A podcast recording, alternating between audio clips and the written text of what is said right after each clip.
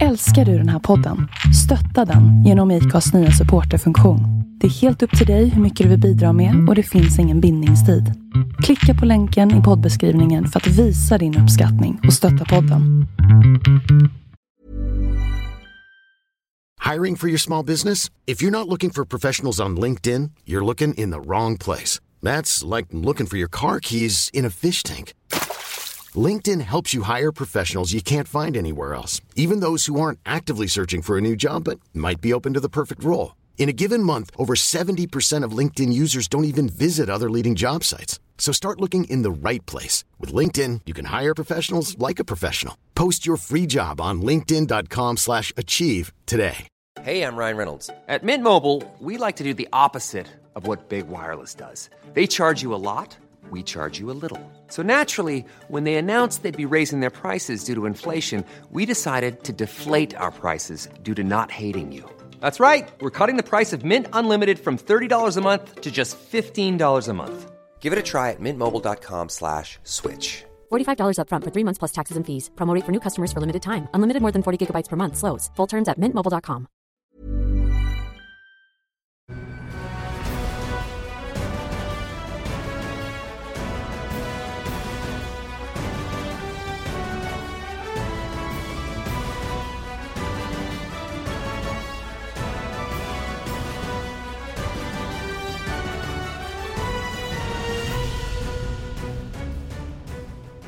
Välkomna till eh, MotoGP-podden som har haft ett väldigt långt uppehåll nu Andreas och eh, här står vi igen i ditt garage. Hur är läget? Eh, nej men det är jättebra. Eh, och precis som du säger, ganska långt uppehåll återigen här. Vi, det skulle ju inte bli något uppehåll, men nu blev det ett ofrivilligt sådant ändå. Men nu är vi tillbaka. Första maj är det idag, så vi vet var vi är någonstans. Tid och rum. Snart är det dags för ut och demonstrera, eller hur gör du med, de, med sådana saker? Eh, jag hoppar nog där idag. Ja, jag gör också det. Vi, vi kör det här istället. Ja, det, vi känns, kör det här. det känns eh, viktigare i stunden nu när det närmar sig en ny racehelg. Men eh, det var ett tag sedan som sagt och vi har en del att avhandla då. Det blir både efter racet, Austin, det blir eh, lite grann ifrån vår resa. Det var en ganska lång resa på plats i USA för oss. Och sen eh, lyssnarfrågan, lite grann om vår bandag, mästerskapet inför eh, Europasäsongen som drar igång här nu till helgen då. Så att det är några punkter att avhandla i eh, den här podden. Och lyssnarfråga, nämnde du det? Jag nämnde det kort, men jag nämnde inte vilken lyssnarfråga. Nej, Jag hörde inte den, eller så koncentrerad på någonting annat. Men eh, det blir det också. Mm. Först och främst då, efter... Ja, vi kan väl nästan börja med, det hände rätt mycket rent allmänt för, för oss där. Vi hade ju en eh, en och en halv veckas tur med blandade motoraktiviteter får vi säga. Ja, det var en jättefin resa i USA som vi var på. Först var vi på Moto America, Superbike och Supersportmästerskapet i Am- Amerika, alltså amerikanska mästerskapen. Sen var vi på Indycar eh, med Marcus Eriksson, Felix Rosenqvist. På, och så det här museet på Barber. Ska vi avhandla det på en gång? Ja, ja, det är nästan så att det är, så att det är starkast. Alltså det var ju något, eh, jag går nästan aldrig på museum och, och det här var ju något alldeles exceptionellt med, med vad som fanns där i. Det måste vi rekommendera. Ja, Barber Motorsports Park och det här eh, museet då med eh, gamla, det var ju blandade hojar, det var ju både var gatcyklar det var och racehojar och allt som du säger. Ja, det var allt. Jag saknade dock en riktig MotoGP-cykel. Det var inte vad jag såg. En eh, ny du tänker, alltså Ja. någon fyrtakts, under fyrtaktseran? Ja, ja. Nej, det såg inte var det jag ens heller någon faktiskt. 500? Jag tror att det var någon gammal 500. Vad fan, stod det inte någon gammal Suzuki där, de här Lucinelli-eran, Uncini-eran där? Det är ju början på 80-talet. Ja, jag vet. nu, så ja, ett det är ju gammalt. Ja, det kanske gjorde, men någon riktig MotoGP-hoj såg inte jag i alla fall. Jag såg en sån där Desmo Sedici, men det som, det som slog mig på det museet var ju att alla hojar var ju i princip nya. ja, det, så, och, Det var ju och, helt otroligt. och grejen är med det här museet, eh, George Barber, har jag rätt på förnamnet där? Ja, bra fråga. Ja. Eh, De sa ju det runt där, att han är ju tydligen så tät så att han, eh, det, hans, hans förmögenhet motsvarar ju ungefär resten av The Alabamas. State of Alabama. ungefär så. Men de var ju skick att köra också, så att den här Exakt. banan har han ju byggt för det. Får köra de hojarna som man har på museet. Så säger ju ryktet i alla fall. Och, ja, det var en fin bana också. Men museet var ju, det var ju egentligen därför man åker dit, känns det som. Top notch och modernt och snyggt och det var ju, det var ju bara cleant allting. Det var inget, det var inget, det var inget skräp överhuvudtaget. Nej, Nej, det var det inte. Och fina hojar. Vacker utsikt över banan, eh, kuperad eh, natur där och parkliknande. Jag tyckte inramningen på hela det här Indycar-racet, det kändes ju som att det kunde vara något sån här eh, hästkapplöpning i Storbritannien med, med damer med vidbrättade hattar och sånt där. Ja, men det var en jättefin om, omgivning på den här banan och eh, bra race också. När vi, då var det ju bilrace till och med. Och det var ju faktiskt lite omkörningar i det racet. Mm, och dessutom var det ju bra, Marcus Eriksson där, sjunde plats, han körde ju upp sig rejält under racet. Ja, det gjorde han. Alltså det var, det var en upplevelse, både att se bilracing då och det här museet. Och jag gillade ju även den här banan i eh, första, första racet i Superbike-mästerskapet där i Road Atlanta. Vilken, Ja, det gick mycket upp och ner där och ehm, fort dessutom. Baksidan där inför sista chikanen, liksom full gas, 300 km timmen och så svänger det svagt till höger och precis till vänster, ja men det är en betongmur. Så att eh, säkerheten finns väl lite att jobba på kanske på vissa amerikanska banor, men eh, coola banor. ja, det var, ja, det var och, och bra och tät racing var det också Ja, där. det var det också. Och det var det ju alla racen. Vi såg ju även amerikanska superbike-mästerskapen på Austin, eller i, på Kota, de körde ju även där. Två race och båda de racen var ju också super, superbra. Mm, Bra racing faktiskt. Fast lite för få deltagare om man ska klaga på något då. ja. Och kanske lite för få då som, som kan vara med och slåss i toppen. Det kändes som att Det- fyra, ja. fyra fem hojar och sen var det ett litet hack maskinmässigt. Ja men det var de fyra hojarna, det var de två fabriksjammerna och de två fabriks Suzuki, Yoshimura Suzuki med Tony Elias och Josh Herrin där på Suzuki och så Bobier på Yamaha. Det kändes som att det var de tre egentligen och sen så Bobiers teamkompis, jag vet han, Gareth någonting, Girloff. Gerloff. Ja, det var, det var de fyra på något sätt som, som var i ett litet hack för sig där. Kul Mm. ändå. Ja, det var kul. Elias vann väl första racet, blev två andra. Tony Elias som, han är nästan lika gammal som jag är. Ja, det känns som att han har varit med i evigheter. VM-titel 2010 nu då, och fortfarande slåss i toppen här då. Tony Sunglasses som han kallas där, kör ju så stora, stora briller Ja, det gör eh, han jämt. faktiskt. Det är sant, det är sant. Mm. Ja, nej, men han verkar trivas. Vi pratade lite med honom där på Road Atlanta. Han verkar ju trivas med livet i USA. Mm, mycket. Och eh, har han bara en MotoGP-seger? Det var ju den här eh, kända på Estoril. Ja, Ja. 2006. Jag tror bara det är den segern han har. Och den var ju extremt avgörande för, för mästerskap och allting där. Det blev ju så nu så här i efterhand var det ju så. Ja. Men han, han vann ju där, var det två tusendelar eller något liknande? Före Rossi då. Estoril. extremt näst, tajt var det. Näst sista racet var det Mm. den säsongen. Man kör hårt fortfarande. Det var hårda, det var hårda fighter, men hårda, hårda omkörningar där från flera utav förarna i Ja. de racen. Ja, faktiskt. faktiskt. Nej, men det här finns på, eh, det finns någonstans på nätet att kolla på de här racen. Fråga mig inte riktigt vilken eh, kanal eller vad man ska gå in med, någonting. i alla fall. Googla på det så kan man säkert se, se de här racen. Bra racing faktiskt. Ja. Rekommenderas. Ja, och sen var det ju vidare motoraktiviteter också. Vad tyckte du om att köra små 125, effektsvaga 125 kubikare med gatdäck bak där hos Colin Edwards? Ja, men det var kul. Det är riktigt kul. Eh, Lite roligt fäste bara tycker jag. Det var lite oförutsägbart fäste måste jag säga. Det, det, och det visar ju sig i kraschstatistiken här. Tre, vad hade vi? Tre kanske var. Tre var. Och jag hade var. två hårda. Det, ja, det var inte skönt kan jag säga efteråt. Nej, Nej men du orsakade en vurpa för mig också. Det var, ju, två det var ju knappt att det var en vurpa där. Ja, men jag har ju fortfarande problem med foten. Jag kan fortfarande inte spela innebandy. Det stör mig något enormt att inte kunna spela innebandy. Missat eh, två veckor här nu. Och ja, jag vet inte om den är bra nog för att spela fortfarande. Nej, och jag har en axel och ett knä som inte känns helt, inte helt hundra. Ja, men, det, var kul. det var kul och intressant där och, och lite, eh, det är kul att se miljön där. Många, eh, många tillfällen, eller mycket möjligheter att, att öva upp färdigheterna där i Ja, sladd. ja, ja men för, för er som, eh, som är intresserade av motorcykelkörning och bli, bli bättre rekommenderas att åka på de här camperna. För det är fyra dagars camp de har med boende och mat och ja, instruktörer. Hur många instruktörer var de? Tio stycken, något liknande.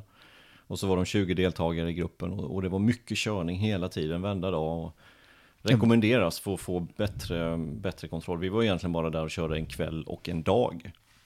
Och är man där i fyra dagar och kör, då det kommer förbättra MC-förmågan och körförmågan definitivt. Ja, det var ju både lågfartsövningar och lite mellanfart och det var ju flat out så mycket man kunde och ja, alla varianter. Ja, det var jätte, jättebra, jättebra.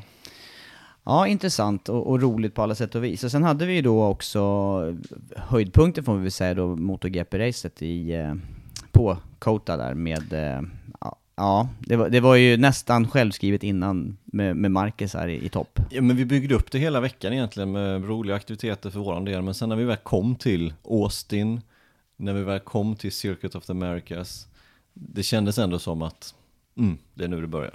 För det var en riktigt, riktigt fin bana. Riktigt bra ställe också. Svårt att föreställa sig, när man inte har varit på plats innan, hur stort allting var, hur välskött och hur... Ja men det finns ju egentligen bara en kritik och det är ju själva underlaget där för förarna med ojämnheter. Men, men i övrigt är det ju en anläggning som är helt top, eh, top notch. Mm, ja men det är det.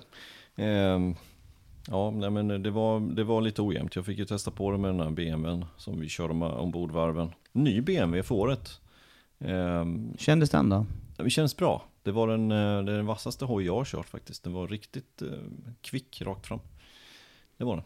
Du, klagade lite, du klagade lite på den förra där, att du tyckte den var lite sävlig och lång, eller ingen riktig känsla för den. Var, Nej. fick du någon bättre känsla för den här då? Nej, jag tyckte chassit var ungefär lika som den gamla modellen som den hade. Jag vet inte, är det någon skillnad? Jag kan inte modellerna riktigt, men jag tror att de har kommit med en ny modell tills i år. Den, den är, het... helt, ja, den är helt nyutvecklad. Den är det? Ja, ja för den heter ju likadant, BMW S1000 RR eller något ja. Och så var det någon typ av M-paket på den här hojen som vi kör. Kolfiberfälgar och allt vad det är. Eh, men jag tycker chassit fortfarande är väl som det gamla, liksom inte så jättestor skillnad. Men eh, däremot motorn var ju jättestor skillnad.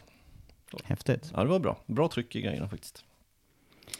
Eh, så jag fick känna på i alla fall de här ojämnheterna och ehm, ja, det visst, det är ojämnt och nu kör jag extremt långsamt men, men man känner ojämnheten även på den här hojen. Och då är det ojämnt om man känner det på en sån här hoj liksom så. Det var ju faktiskt en del snack om det efter första dagen här med att eh, vissa förare tyckte att det här var inte GP-mässig bana av den anledningen och stora risker och så vidare. Vi såg några, några tillbud också under träningarna faktiskt. Det gjorde vi, men, men är det inte lite så att man, man, eh, man tittar in hela atmosfären på, på Kota och så ser man den här banan, den är extremt fin och sen så är det den här lilla detaljen att det är lite ojämnt också hänger man inte upp sig lite mer på det då när det är så bra runt omkring? Möjligt. Om det hade varit en annan bana som är... Nu har jag inget bra exempel riktigt för att inte... Men lite daterad, lite äldre och lite, det annat är ja, ja, det, inte det riktigt lika fungerande. Ska vi säga Bruno till ja, exempel? Ja, det var nog den som får ja, upp i mitt huvud också. Den är ganska gammal ja. på liksom och ganska risiga faciliteter och sådär. Eh, om den hade varit lite ojämn, då kanske man inte hade riktigt tänkt på det i samma bana, eller? Nej, det kan vara så. För att allt annat som du säger är ju verkligen... Eh... Men det är ju top of the line liksom. Ja, det, det. det, finns ju ingen som bana som jag har varit på bättre som är i den nivån liksom. Så. Och, och sen så kan jag tycka att lite ojämnheter, det, det tycker jag ger karaktär på en bana. Faktiskt. Det går ju, det går ju att justera det. Jag vet diskussionen också när, när de pratar som mest om den här kurvan i eh, Tyskland, Sachsenring, vattenfallet. Nedför baksidan där och det, det går ju att justera med både linjer och med hur mycket man gasar i de här sektionerna också. Men det är ju få som slår av. I praktiken ja. är det få som slår ja, men. Just det argumentet att ja, men det går att slå av. Jag har lite svårt för det argumentet. Som förare vet jag, nu mer som vi ser bra race och vill se lite oförutsägbara, oförutsägbara händelser och sådana saker. Då kan jag tycka det är bra. Men som förare vet jag själv att den här känslan att ja, men du kan ju slå av. Eh, var det någon som sa det till mig när jag var aktiv så då blev de totalt dumförklarade för jag tycker inte om det argumentet. Är du, med? gillar inte att slå av eller? Nej men, nej, men man, man, ska gör, man, gör, man ska inte behöva det i vissa saker. Eh, som på rakan till exempel i Austin där. Man ska inte behöva slå av gasen där för att det börjar wobbla på grund av att det är ojämnt. Är du med jag tänker? Nej, men det är ju samma på Mugello faktiskt som kommer snart. Där, där kommer det också vara, eh, där vet jag också att eh, ja. Marcus pratar om att han backar av lite grann där i ja, slutet. Det gör, det gör. Men det, det, det är lite annorlunda sak där ändå. Är det inte det? Jo, det här är ju, det, det, vi pratar om nu i USA, det är ju mitt på rakan i princip, ja. eller? Ja. Där ska, det är som du säger, där ska man ju inte behöva slå av. Nej, det behöver de göra någonting åt. Men, men sen så såg vi ju extremt få krascher under hela helgen. Så det är också någonting sånt där, hur illa var det då egentligen? Ehm, ja, Svår. Nej, för det, det, som, det som du säger, att det är få krascher, det brukar ju, det tyder ju på att det är förutsägbart. Fästet ja, och asfalten är, i, ja, vi, den, den ger bra ju, feedback till förarna. Vi såg ju hur katastrofdåligt det var just i kurva 2 och hur ojämnt det var där, men vi såg inga krascher. Nej, att, men... Det skakade på sig ordentligt där nerför, nerför backen. Ja, det gjorde det. ja, det gjorde det. Gjorde. Nej, men jag, jag tycker på något sätt lite ojämnheter, det, det ger karaktär till banan, vilket jag tycker ska vara kvar faktiskt.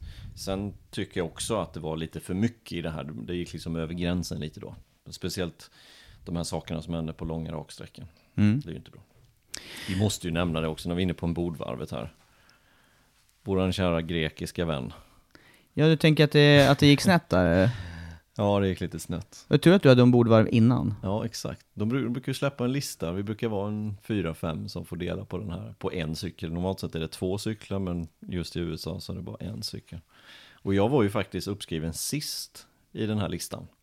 Men sen var det ju någon som gick och klagade på att men vi vill köra lite senare på grund av att då är däcken varma, för vi har inga däcksvärmare på de här hojarna heller. Så att man vill ju inte köra först, för att då går man ut med iskalla däck. Det, det, det skickar de ut dig på istället. Alltid skickar de ut mig. Och sen så kom det ju där, bara två timmar innan vi skulle köra, så kom det ett revised schedule liksom. Okej, ja, då står ju Viasat och jag först. Ja, okej, då var det bara att ge sig ut då. Men då visade det sig att det var ju ett genidrag, för att han som fick hojen sen med varma däck och varm motor och allting, han la den. Och som dessutom eh, glatt berättar hur fort och bra han körde där innan också. Ja, exakt. Nej, det blev lite, det Det slog gjorde lite tillbaka. faktiskt, det var Det- ganska roligt. Ja, det var det. Men han, han, kom, han lommade lite, han var lite mer återhållsam dag, efteråt sen, kan man ju säga. Ja, Efter att han det- gått det omkull. kan man verkligen säga. Han kom upp där till boxen, han satt ju i boxen jämt och det var ju, ja. Det, kan ju hända, det där kan ju hända vem som helst är egentligen. klart. Det är, inte, det är inte helt enkelt att köra de här varven och samtidigt prata. Det, det, det kan man väl säga. Ja, absolut. Det är svårt. Det är lätt att det, att det kan bli någon liten miss. Ja. Men, men åter då till den här stämningen och det, jag tyckte det hängde i även eh, i stan. Det, är inte, det var ju inte den stämningen där som det kan vara i vissa europeiska, sydeuropeiska städer där det är eh, motorcyklar överallt. Men däremot var det ju mycket människor, mycket musik och det var utställningar och grejer inne i stan. Som gjorde det till en, det var en helhetsupplevelse på ett eh, unikt sätt skulle jag säga. Mm. Ja, men eh, det var en mycket trevlig eh, stad att besöka. Rekommenderas att åka till det racet faktiskt. Bra, ehm, eh, bra åskådarplatser, bra, bra stad att bo i, mycket hotell och ja, men det var jättebra faktiskt. Stora förväntningar då på, på racet såklart och- och Marquez i mästerskapsledning och för mig så kändes det som att Marquez skulle gå in i den här helgen och dominera, vilket han gjorde inledningsvis. Eh, fartmässigt, kvalmässigt eh, och eh, ja, sen då när racet kickar igång, vad är det som händer här under, under loppet? Men han kändes ju som att han hade full koll på läget faktiskt. Han tog starten och hade kört bra på träningarna. Vi visste att hans två största konkurrenter egentligen, det är Rossi och det är Vinales. Vinales hade faktiskt satt lite press på honom under dagen där, eller under, under helgen och framförallt på fredagen. Det blev inte så mycket körning på lördagen så det är ju en förklaring till, till det, just det. Men han fick ju det precis dit han ville ha det racet och sen eh, det syntes i hans körning också när man, när man såg de här, speciellt nerför kurva 10 blir det väl, det där lilla mm, precis innan bakrakan. Eh, att cykeln rörde sig mycket mindre än normalt sett. Han, ladd, han behövde inte ladda liksom. Det, det kändes som att han får den här luckan, han behöver inte ladda. Och därför var det så eh, ja, oväntat på något sätt att just Marcus gör det misstaget som han gör. Jag tycker också det. Han hade också börjat få den lucka som vi normalt pratar om, att, att man kan just backa av lite grann och, och bevaka sin ledning. Ja. För han hade ju så pass fart att det, han var egentligen inte, han var inte hotad i det här racet. Nej, nej, han var ju inte eh, överhuvudtaget. Men eh, han ta- måste ha tappat koncentrationen. Det är ju jättelätt att göra ett sånt där litet misstag. Och vi ska komma ihåg att den här banan har ju fyra sådana här ställen som är extremt tajta vänstersvängar. Eh, jag tyckte jag upprepade mig själv när jag körde ombordvarvet. Men jag blev lite förvånad att det är fyra riktigt, riktigt tajta sådana här svängar. Kurva 1, Ja, kurva 1. 11 ut på bakrakan. Ja, exakt. 11. Och så 12 då, där han gick omkull. Och sen är det ju Inne i stadionområdet ja, också. 15 där innan man ger sig iväg och runda tornet. Så det är tre, ja det är fyra stycken och sen ut på raken också ganska tajt men inte lika då men med fyra extremt tajta vänstersvängar och han gör ett misstag där i, i kurva 12 och var förvånande för mig faktiskt och tittar man nu så här någon vecka senare så har han verkligen gjort något mer klantigare misstag någon gång i sin MotoGP-karriär. Jag är tveksam till att han har gjort det faktiskt. Nej, För de andra har ju mer varit under, eh, under press och, Ja, och i mer race. Det är Ja. klart att det var race-situation också, men han var ju inte under någon slags, något hot Han var överhuvudtaget. så mycket snabbare än alla andra och han, eh, han behövde inte göra det här misstaget. Ehm, och därför är det förvånande att han eh, faktiskt gjorde det. det. Det har varit några gånger sådana här som har gjort klanta. Jag kommer ihåg till exempel 2013 på Mugello. Då hade han haft två krascher den helgen. Den ena kraschen var den här högfartsvurpan som han gjorde efter rakan. Han var halvt ihjälslagen tänkte jag säga och sen så sätta sig på cykel och så på racet så kraschade han en gång till på racet när han hade en tredje plats eller något sånt där helt i hamn. Det var också en jätteklantig vurpa som han gjorde där i Savelli. Ja, just det. Genom Ja. Mm, Casanova och sen in i Savelli. Eh, Men eh, det här är ändå fem år senare ja, han har en del, eller han har mycket mer erfarenhet. Och, i ledning Ja. eh, med, med över tre sekunder. Och det är klart att han låg ju på gränsen, självklart. Och eh, leder man racet då kör man ju ofta snabbast. Så det är klart att det gick fort, liksom. det gick lite för fort. Och eh, ja, inte bra. Men å andra sidan, är det någon som kan komma tillbaka från ett sådant här misstag så är det han.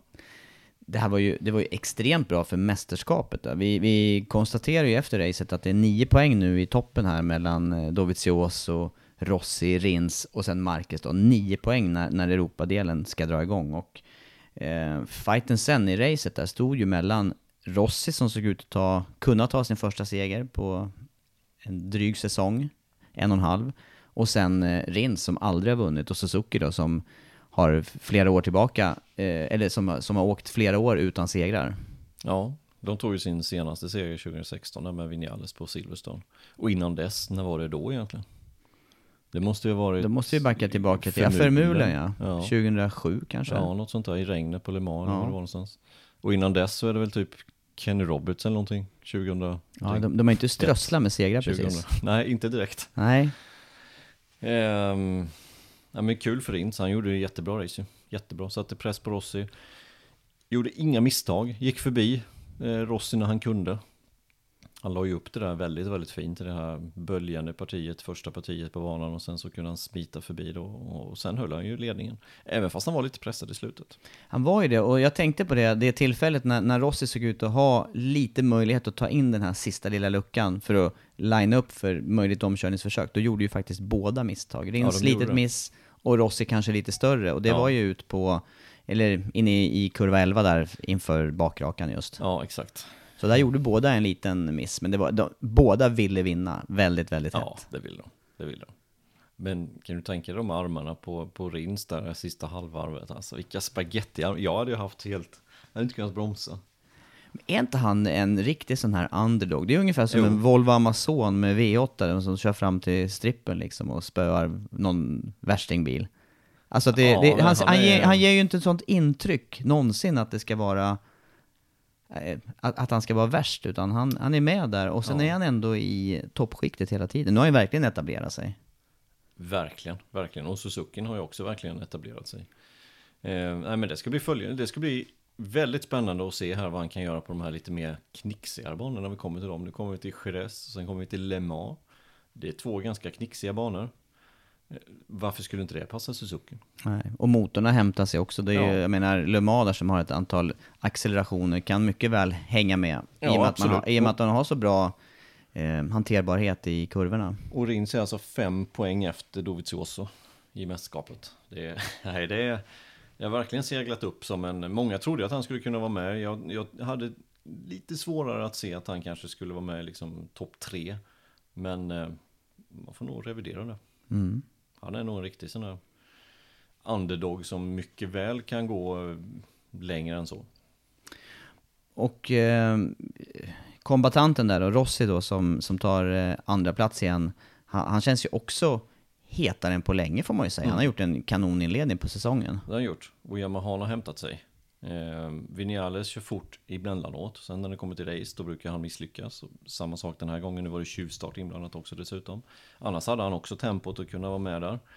Eh, men lite längre ner i mästerskapet ligger ju Vinales. Han är inte bättre än 12 i mästerskapet. 14 poäng jämför det då med Rossis 51 inkörda poäng på de tre första. Han, och han hävdar ju att det är problem att köra om, eller problem att... Eh, han, har ju, han, har ju, han har ju jättebra fart, Vinales, med, eh, med fri bana. Ja. Men, men däremot i trafik, inte alls. Inte alls det. Och, och inte första andra varvet heller. Eh, han har sin starka punkt när han får köra själv. Oftast från en sjätte plats och liksom arbeta sig i kapp gruppen framför när det är halva racet kvar. Det är hans starka. Men eh, inledningen är inte hans starka sida för tillfället. Nej. Det är tråkigt för att han har ju tempot att kunna vara med. Sen undrar jag om inte han eh, ångrar lite grann det här bytet från Suzuki. Tänk om han och Rins till exempel hade suttit ihop på, i Suzuki nu då? Och det hade ju inte alls, alls omöjligt att de hade gjort det. Faktiskt. Nej. Om han hade eh, varit kvar. Men som sagt, jag, jag förstår hans, eh, hans byte just i det läget han var i då, till 2017 liksom. Och då, då såg ju Yamahan bättre ut än vad Suzuki gjorde, även fast han tog en seger på det. Men eh, precis som du säger, det, det kan nog krypas in lite tveksamhet över valet. Mm, faktiskt. Men de här eh, övriga förarna då, det känns som att vi har eh, pratat mycket Marquez och sen då Rins och Rossi. En annan sak där också med Vinales, han hade ju faktiskt varit klar första förare hos Suzuki. Och då hade de följt hans direktiv. Hela tiden hade de följt hans direktiv. När han kom till, till Yamaha så borde han ju kunnat tänka där att jag kommer inte vara nummer ett där, liksom, i det här teamet. Och där har det varit mycket kamp mellan Rossi och det. Vinales. Och det har nog hämmat mer honom än Rossi. Jag tror det också. Men de har ju kört, Yamaha har ju faktiskt kört lite på bådas idéer, men nu skulle jag nog tro att det är mera på Rossis. Ja. Får den känslan. Ja. Ja, men för, för, tillbaka då till topp fyra där, vi kan inte glömma bort Dovizioso heller i det här, som, eh, som räddade massor med sin körning. Han hade ju ett katastrofkval egentligen. Det hade han. Eh, 13 startposition, det, det duger ju inte om man ska vara med och slåss om mästerskapet. Självklart. Men räddade många poäng, han blev fyra till slut. Eh, han hade lite flyt där med två, två placeringar gratis hade han ju Marquez och Crutchlow som försvann inledningsvis också. Eh, så att eh, han räddade många VM-poäng och tog över VM-ledning. Mm.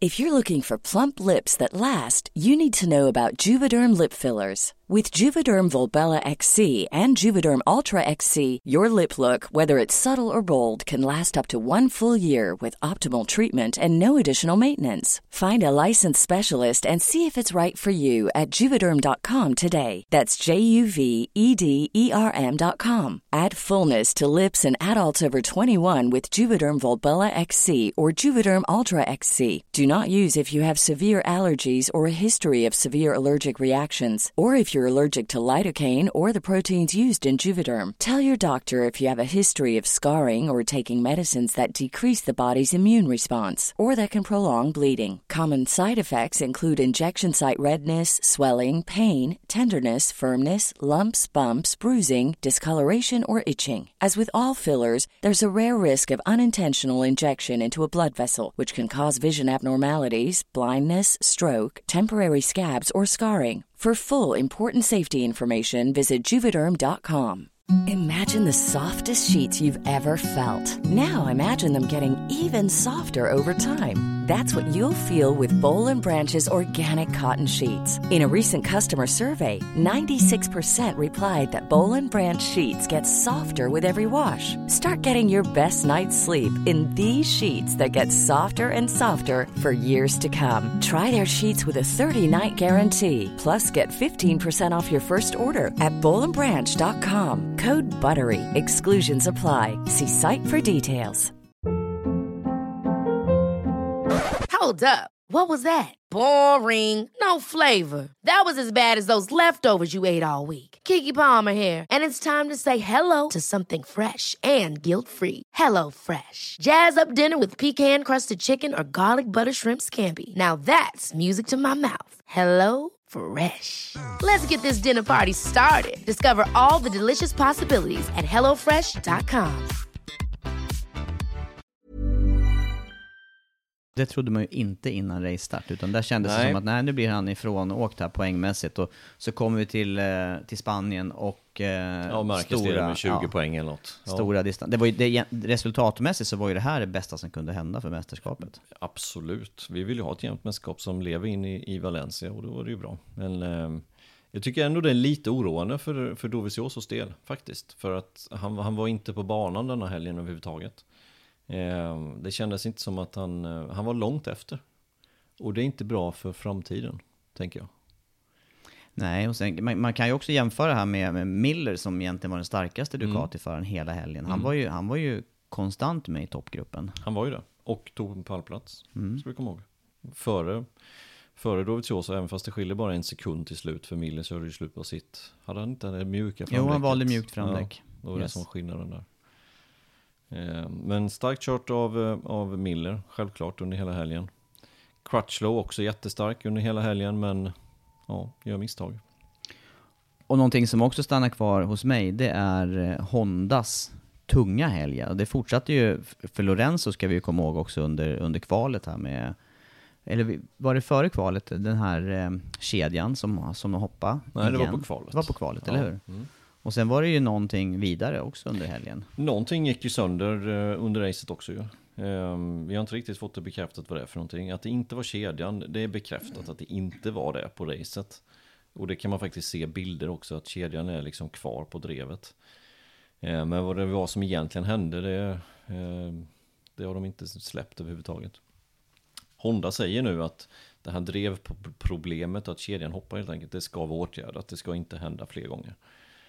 De har väl kommit på vad det är för någonting och det, ryktades ju som att det är någon flex i svingen som gör det.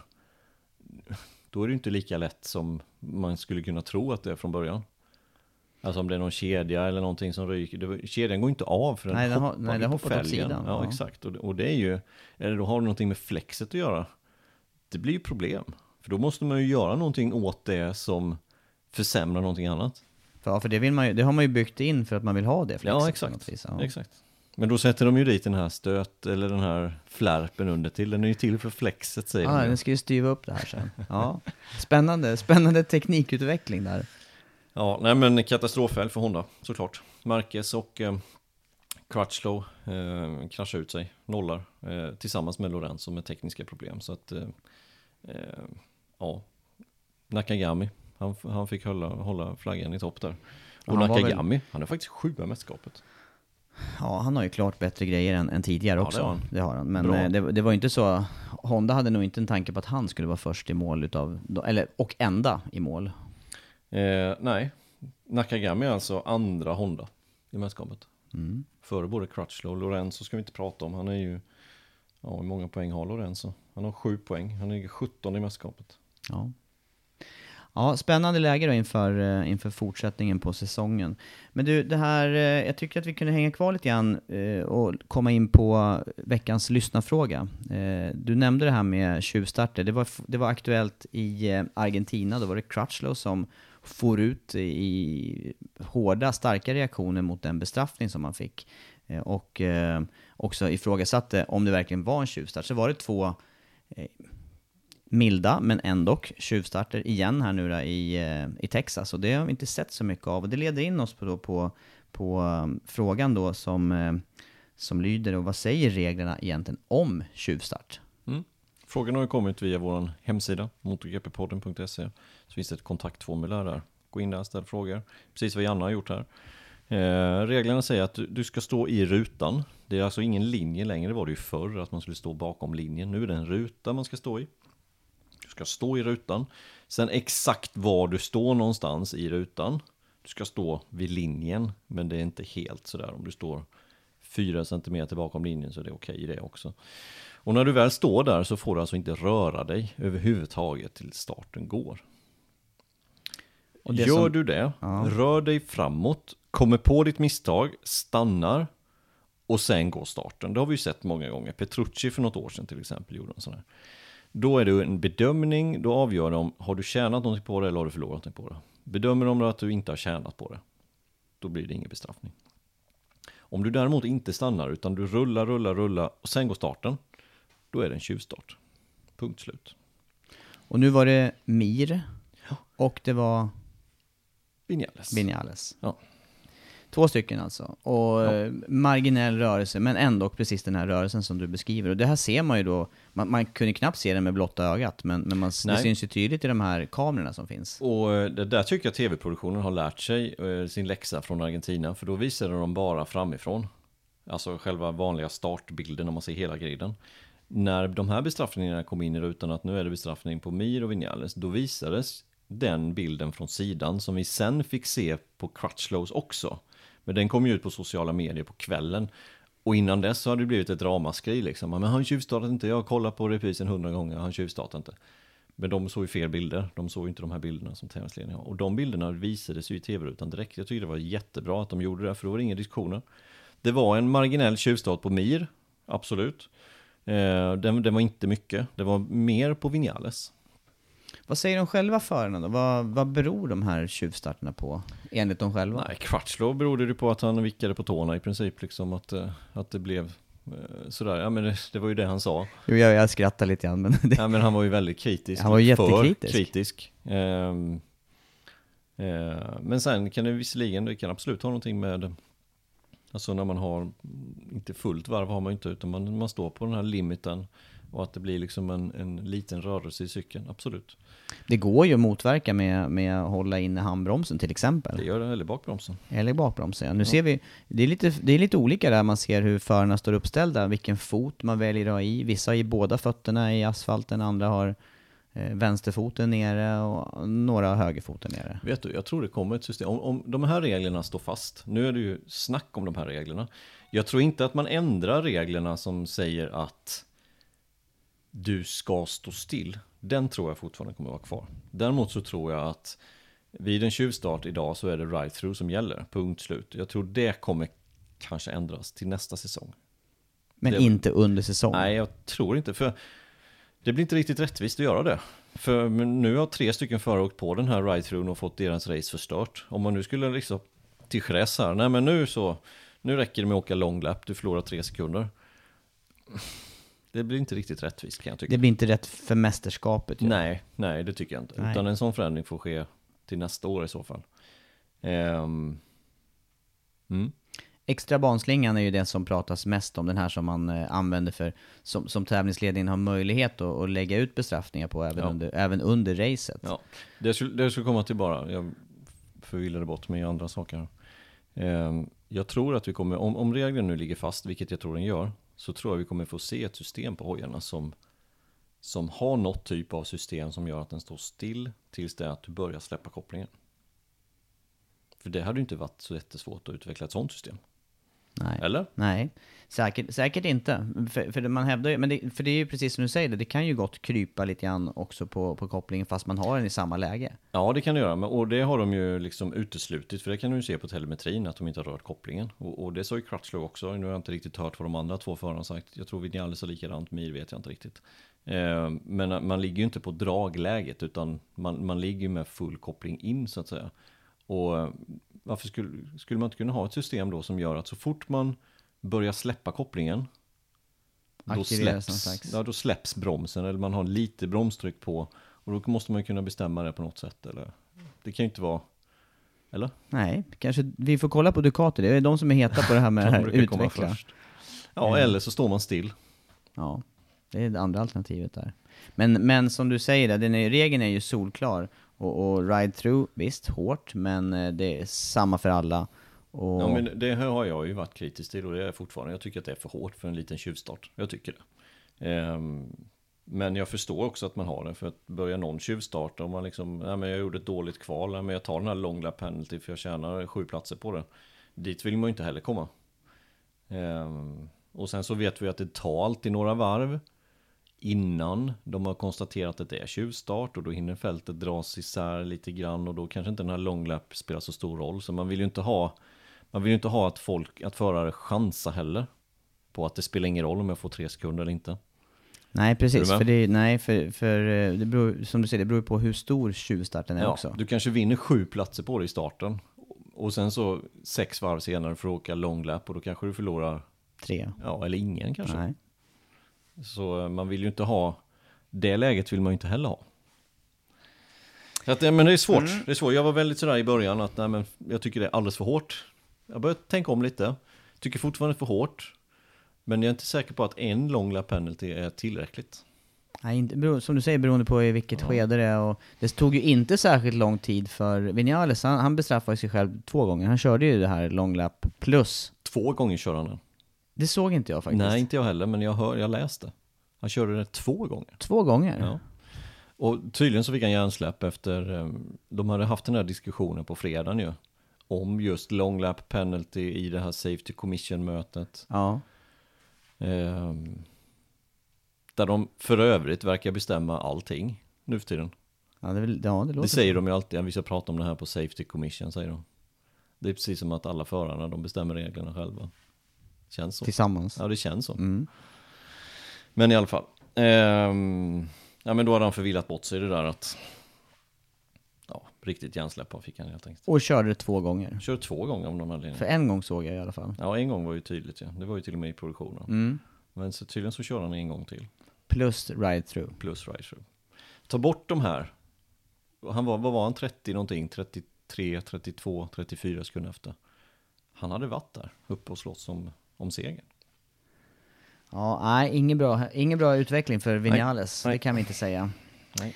Ja, det var ju uttömmande svar på den här lyssnarfrågan då om reglerna om tjuvstart. Och eh, du läge också att säga någonting om, eh, om man ska köra själv då, eh, vilket finns möjlighet att göra på vår bandag, 7 sjätte, klämdag, mellan, eh, efter nationaldagen som ligger på en torsdag, så är fredagen då vikt för eh, banåkning på Anderstorp. Ja, vi har fått eh, massa anmälningar till den här dagen och ni har fått ett bekräftelsemail, alla ni som har anmält sig. Eh, och sen har det inte hänt så mycket mer och eh, ni har inte blivit bortglömda utan vi, vi har lite detaljer kvar här med våra bokningssystem nämligen. Så det är därför ni inte har fått någon bekräftelse. Så lugn i båten, det kommer komma. Men det är bara en dryg månad kvar så att vi får, eh, vi får Ja, se till att sy ihop det här sista nu då. ja, Mm. Det ska bli kul.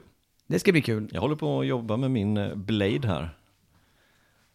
Försöker få Jag ihop den. Det syns att du jobbar med den faktiskt. För det är, nu ser jag nästan bara en ja, ram och... Ja, för dig är det ju helt isärskruvat. För mig är det kåporna För mig är det av. helt isär ja.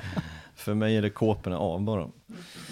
Titta över den lite grann. Ska vi se om den kan rulla några varv. Mm. Mm. Ehm, det blir intressant också nu då eftersom vi närmar oss eh, eh, Eh, Europapremiären i eh, MotoGP med eh, som vanligt Jerez. Eh, det är den som närmar sig nu då i helgen. Och eh, mästerskapet som vi sa, extremt jämnt poängmässigt. Och eh, det är, eh, alla säger ju att det är nu som mästerskapet på allvar kör igång. Vi konstaterar ju att visst, 75 poäng är möjliga att köra in på de här tre första racen. De är lika mycket värda. Men den typen av banor och den stämning och det, den del av mästerskapet som vi går in i nu, den, det är ofta den som är mer avgörande för utgången. Ja det är det. Eh, Rossi han pudlade ju lite på det där. Han ville nog kanske inte säga att, eh, vad ville han där? Vad ville han där egentligen? Nej, Men han har ju varit en av de som har sagt att det, där, det drar igång ordentligt i Europa tidigare. Och eh, han inser också att nej, det, det, det duger inte att säga det för att det, det är lika mycket värt oavsett var man Och sen åker. så kanske man kränker någon. Så kan det också vara. Så tror jag mer på Ja. faktiskt. Han vet ju också att 75 poäng är lika mycket värt nu som sen. Ehm, Men det vi snackar om, ja, men det vi tänker på, det är ju det här med bankaraktär Ja. och, och hur och mycket man har åkt. Precis och, som ja. du säger, det, det är en annan stämning i... Eh, nu kommer vi till riktigt bra banor här. Jerez, Le Mans, Mugello, Barcelona, Assen, Sachsenring. Det är ju... På Ja. något sätt så är det ju då, på nå- jag tycker ändå att det är, det är nu den riktiga säsongen börjar, även fast jag också förstår att det är 75 poäng redan kört. Ehm, Men precis som du säger, de, de liknar varandra, stämmer i Jerez, då stämmer oftast i Le Mans och Mugello och eh, i Barcelona. Och lyckas man här ett par, tre race, eh, göra bra resultat och, och konkurrenterna halkar efter av någon anledning poängmässigt så är det, det är ganska tuff jakt som man kan se fortsättningen på Mm. året här efter, efter sommaren. Ja, och, och det var ju här Marquez satte in eh, stöten och Dovizioso också la sig för många gånger. Han kraschade i, i Jerez förra året, den här trippelkraschen. Eh, och sen kraschade han även i Le Mans från ledning och båda de racen vann Marquez. Så att eh, där hade han 50 poäng och sen så höll han det avståndet hela säsongen egentligen. Eh, så att nu gäller det att prestera på en hög nivå, hålla sig på hjulen. De här inledande Europaracen. Och sen skillnad också att eh, förare och team har varit på de här platserna extremt mycket, både och testat och raceat och de här banorna har varit på kalendern i all evighet känns det som. Ja, de har ju kört här sedan de började köra GP. Eh, Jerez, hur länge har den varit med egentligen? Är det 20, 20, Ja, jag skulle säga över 20 år, men jag, jag Ja. har inte någon... eh, Jag har ingen siffra riktigt. nej. Länge, i vilket fall som helst. Ja, det är det. Absolut. Lorenzo gjorde sin premiär där till exempel. Han fick inte köra fredagen för då var han för ung. Var det inte så? Jo, det var det. Ja, och sen så fick han köra lördagen, söndagen. Ha en sväng uppkallad efter sig. Sista svängen kallas Jorge Lorenzo. Kurva 6 som numera heter Danny Pedrosa. Den hette ju Dry Sack innan. Den är också omdöpt. Kommer döpas om, är det på fredag? Lördag? Det är nu kommande racehelg här Ja, det är det i Mm. alla fall. Danny Pedrosa har också fått en sväng där, så både Pedrosa och Lorenzo har varsin sväng där. Det var där han flög förra året också. Ja, det var det sista han gjorde på den Mm. banan i tävlingssammanhang. Fick, då fick han kurvan uppnämnd, ja, eller ja, uppkallad efter sig. ja, Men det, men det är ganska stor skillnad i karaktär, man jämför då Texas här, en 20 kurvor och sen så är vi till, eh, till Jerez då med, eh, vad blir det då? 12 kurvor eller? Något Ja, sånt. det är något sånt. Stämmer. Det det är få svängar i alla fall och en eh, till synes då enklare layout, men, men den, den ger ju eh, ofta bra racing. Ja, och mycket tajtare bana är det ju. Mycket tajtare. Topphastighet, inte alls lika mycket. Det är knappt man lägger i sexan tänkte jag säga, men det gör de ju. upp- Och snabbaste stället är ju på bakraken. Inför just kurva 6.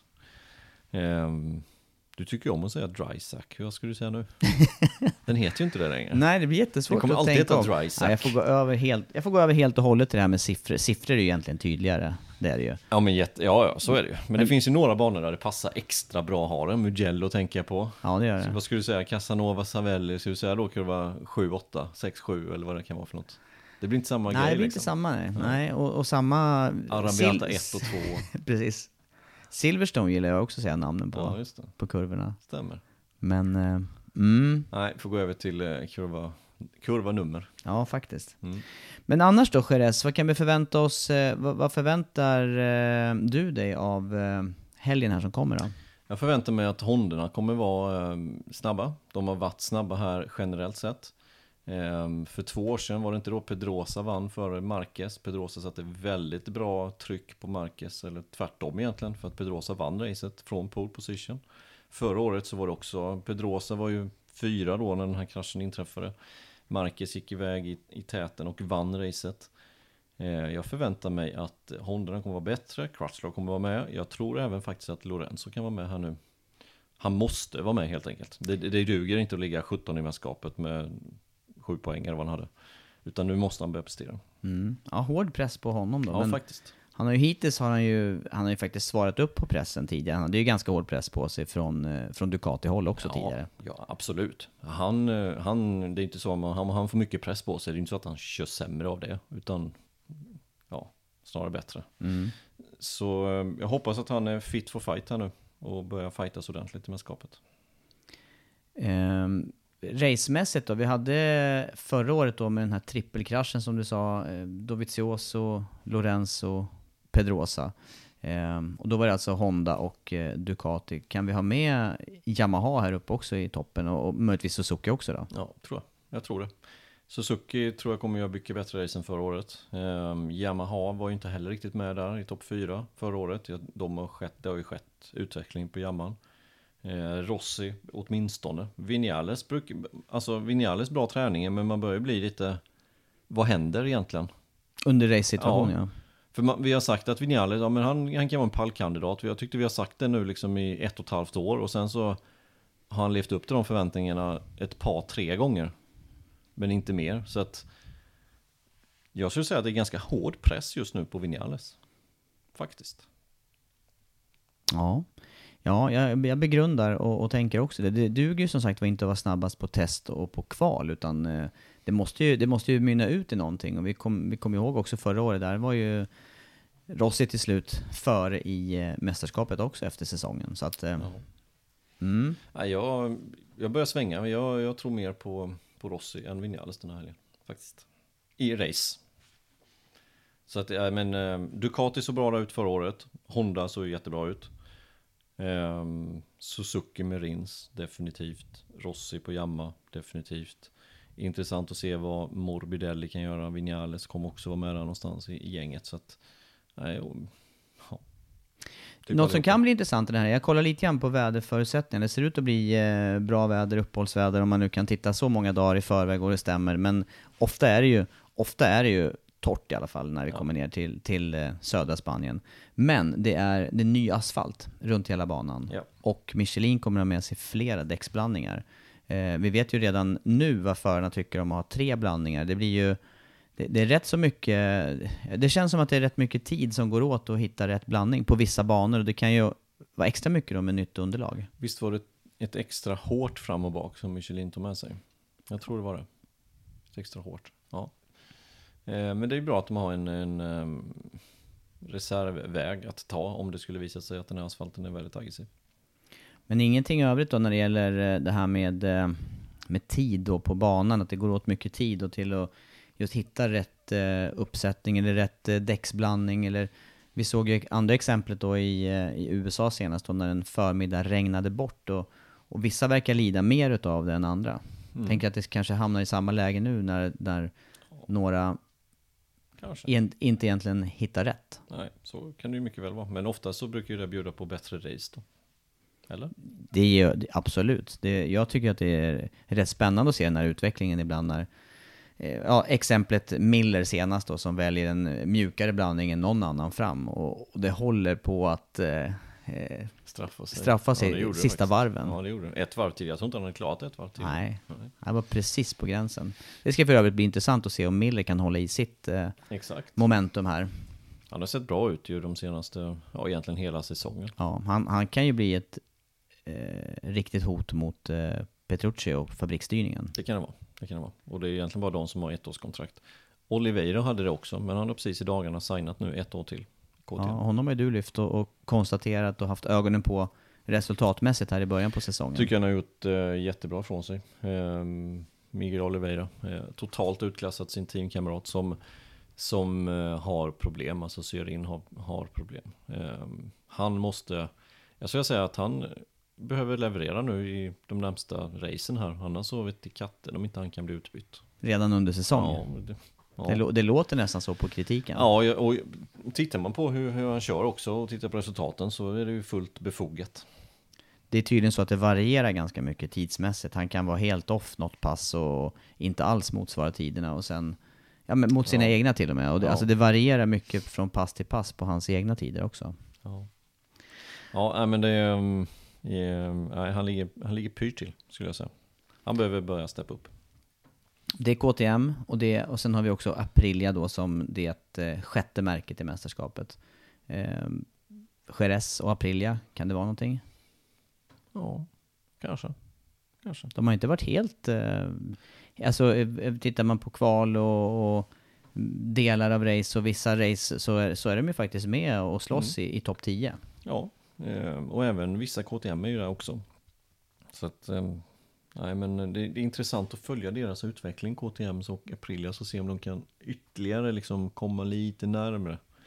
eh, Och kunna utmana, vem är det nu egentligen som är nummer fyra? Det är svårt att säga nu. Rins tog seger senast, det är inte Suzuki. Är det Suzuki verkligen som är fyra i... Nej, jag vet inte. Nej, om du tänker om du rangordnar märkena ja, exakt. här. Ja, men det, det har ju alltid varit, eller de senaste åren har det varit de tre stora märkena ju. Och då har det väl varit de senaste två åren får man nästan säga Honda, Ducati, Yamaha i den ja, ordningen. I den ordningen ja. Och sen Suzuki lite ensam, han är på fjärde och sen har det varit då Aprilia, KTM. Eh, Men kan man ranka Suzuki liksom i sin ensamhet på fjärde? Det ja, det är knappt man kan. Nej, det är knappt man kan. De har ju blivit av med de här fördelarna som de hade och, och så och, och, och kör mer på samma villkor. Och jag tycker att det är ännu mer imponerande med att det är två unga förare hos Suzuki och att de just har bara två cyklar också. Ja. De har inget eh, satellitteam heller. Nej, och de är inte, de är inte jättemånga i teamet. Vi, eh, vi hamnade ju faktiskt på samma restaurang som hela Suzuki-teamen där de skulle fira sin eh, seger, eller Rins seger. Så råkade vi sitta bordet jämte där och käkade middag på söndagskvällen. De verkade rätt glada om man säger så. Ja, det var väldigt glatt. väldigt glatt. Och som du säger, inte så många heller totalt Nej, exakt. Och, och, och det är tydligen en uttalad filosofi där, att, det ska, att man jobbar för den här familjekänslan och att man eh, försöker att få med alla. Eh, Ja. Och så var det ju verkligen där Förarna var ju där båda två eh, och all, all teampersonal och det, som sagt, det var inte jättemånga. Nej. Men eh, de hördes desto mer kan man säga. De hade, de hade fog för att eh, fira. Mm. Ja, något annat du tänker på då inför Europapremiären här nu som närmar sig med stormsteg, den är bara, ja, de är ju där och börjar bygga upp på banan nu, i, i detta nu när vi står och snackar. Ja, så är det. Det är snart dags. Eh, det ska bli kul. Det ska bli kul att, eh, att börja följa igen. Nu har det varit två race-lediga helger sedan Austin. Och det är dags att det börjar dra igång tycker jag. Ja, jag känner mig också laddad. Det, det blir roligt och nu blir det också lite högre tempo då, tätare mellan racen och de här banorna som vi pratar om då när Europapremiären sätter igång till helgen. Vi har satt motor via Play som vanligt och eh, ni följer oss under hela helgen från fredag vidare till kval på lördag och eh, Europatider med, med race och uppsnack till MotoGP-racet halv två söndag. Mm. 13.30 som vanligt. 14.00 går starten. Mm. Mm. Till dess då så avrundar vi den här eh, MotoGP-podden och så hänger ni med oss under helgen på Viasat.